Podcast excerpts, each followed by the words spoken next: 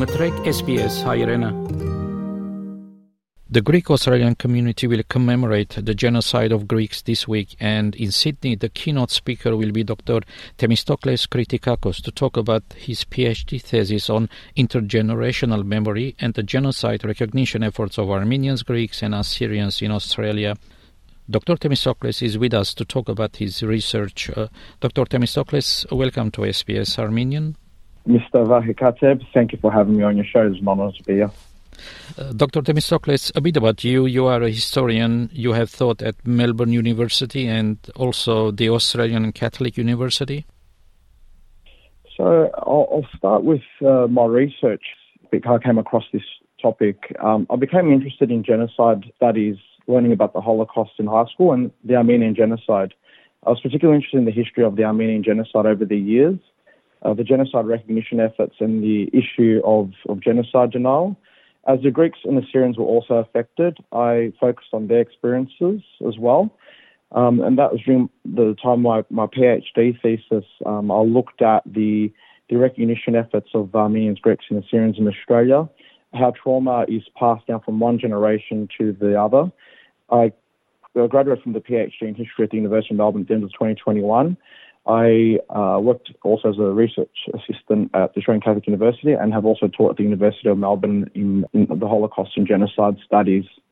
A bit more about details about your PhD thesis. Uh, so it's a topic that me and my listeners relate to deeply.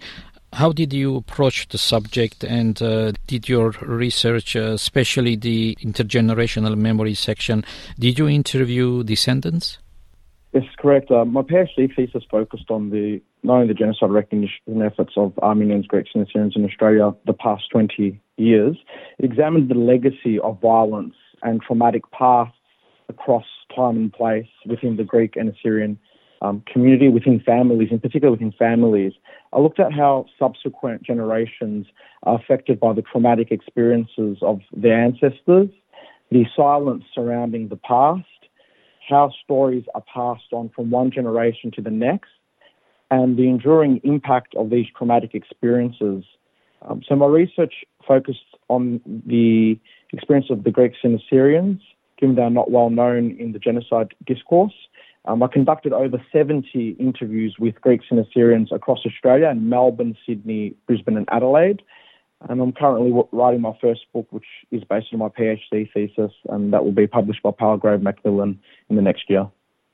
Mm. And was it difficult or problematic to talk to descendants? I think a lot of the descendants are deeply affected by what took place in the late Ottoman Empire, what happened to their grandparents, for instance. Um, many of the memories, particularly when it came to the, the Greeks and even the Assyrians, many of these memories remained within families. Within families, the memories shared across generations were often shared through fragmented stories or they were hidden, which led to silence.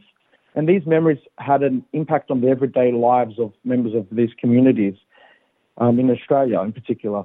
Um, the first generation, which includes survivors, those who experienced or witnessed the violence, uh, they didn't speak about what happened often because of the trauma they experienced. The second generation didn't ask questions. They it led to the third generation, uh, usually the grandchildren of survivors, who started to ask questions or try to find out more about their family history.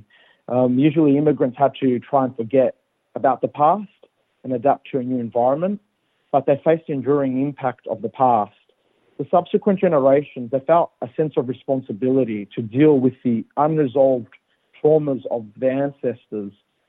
And the impact of past violence is transmitted across generations and carried over even with migration. And silence, which is one way for survivors to manage their traumatic experiences, um, was an issue for the future generations who witnessed the grief of survivors or through passing comments noticed that they experienced something that was very traumatic in the late Ottoman Empire. Subsequent generations demonstrated that they were impacted by the memories or the silence of these traumatic experiences. Uh, Dr. Themistocles, when talking about Greeks, uh, the majority they're uh, descendants of uh, Pontian Greeks and uh, Greeks from uh, Smyrna, or there are other regions as well? Yes. So the Greeks usually, the ones I interviewed, and the Greeks that um, have discussed their traumatic experiences are usually from Asia Minor more broadly. So Pondos is one part of Asia Minor, but the Greeks I, I interviewed were, were not only from Pondos, but the rest, other parts of Asia Minor, so the rest of Asia Minor, and also from Eastern Thrace. So there's the Greeks of Pondos, Asia Minor, and Eastern Thrace um, who, who I've interviewed, and their descendants have all been affected in different ways. But usually the common pattern is family memory, how memory um, is transmitted from one generation to the next, and the silence around these traumatic experiences.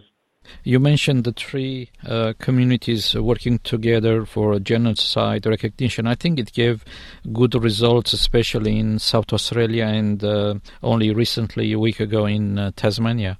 Yes, um, I think for several decades, genocide recognition was an Armenian matter, and the Greeks and Assyrians, who also dealing with other traumas, have only started to become active on the matter since the 1990s and early 2000s. Um, I would argue that although each community may remember the events of the late Ottoman Empire in their own way, and they may represent their own experiences through commemorative events, for instance, this has really changed in more recent years. And we see that when Greeks and Assyrians started sharing their memories with the Armenians, who were already active on the matter, they were able to identify a common experience and produce new memories of the past. They were also able to establish new forms of solidarity that have directed their genocide recognition efforts. A shared form of remembrance has therefore been established between the three communities.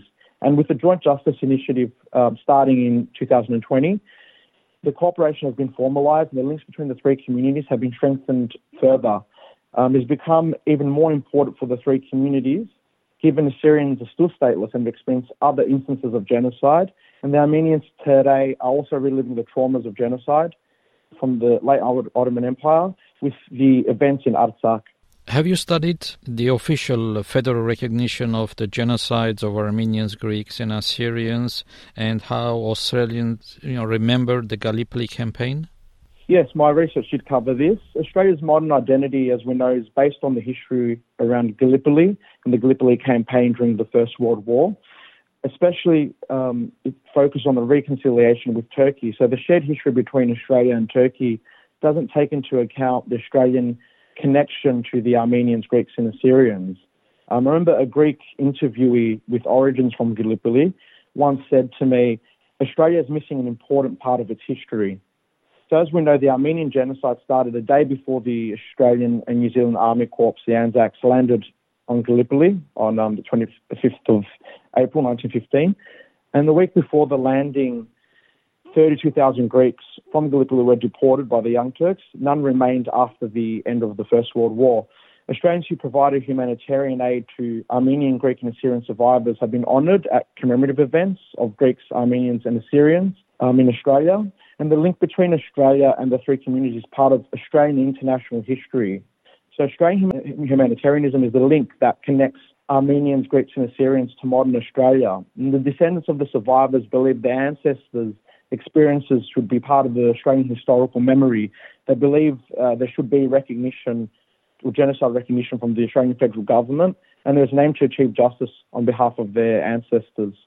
Dr. Themistocles, I think you mentioned before at the start uh, you are working on a new project, a new book.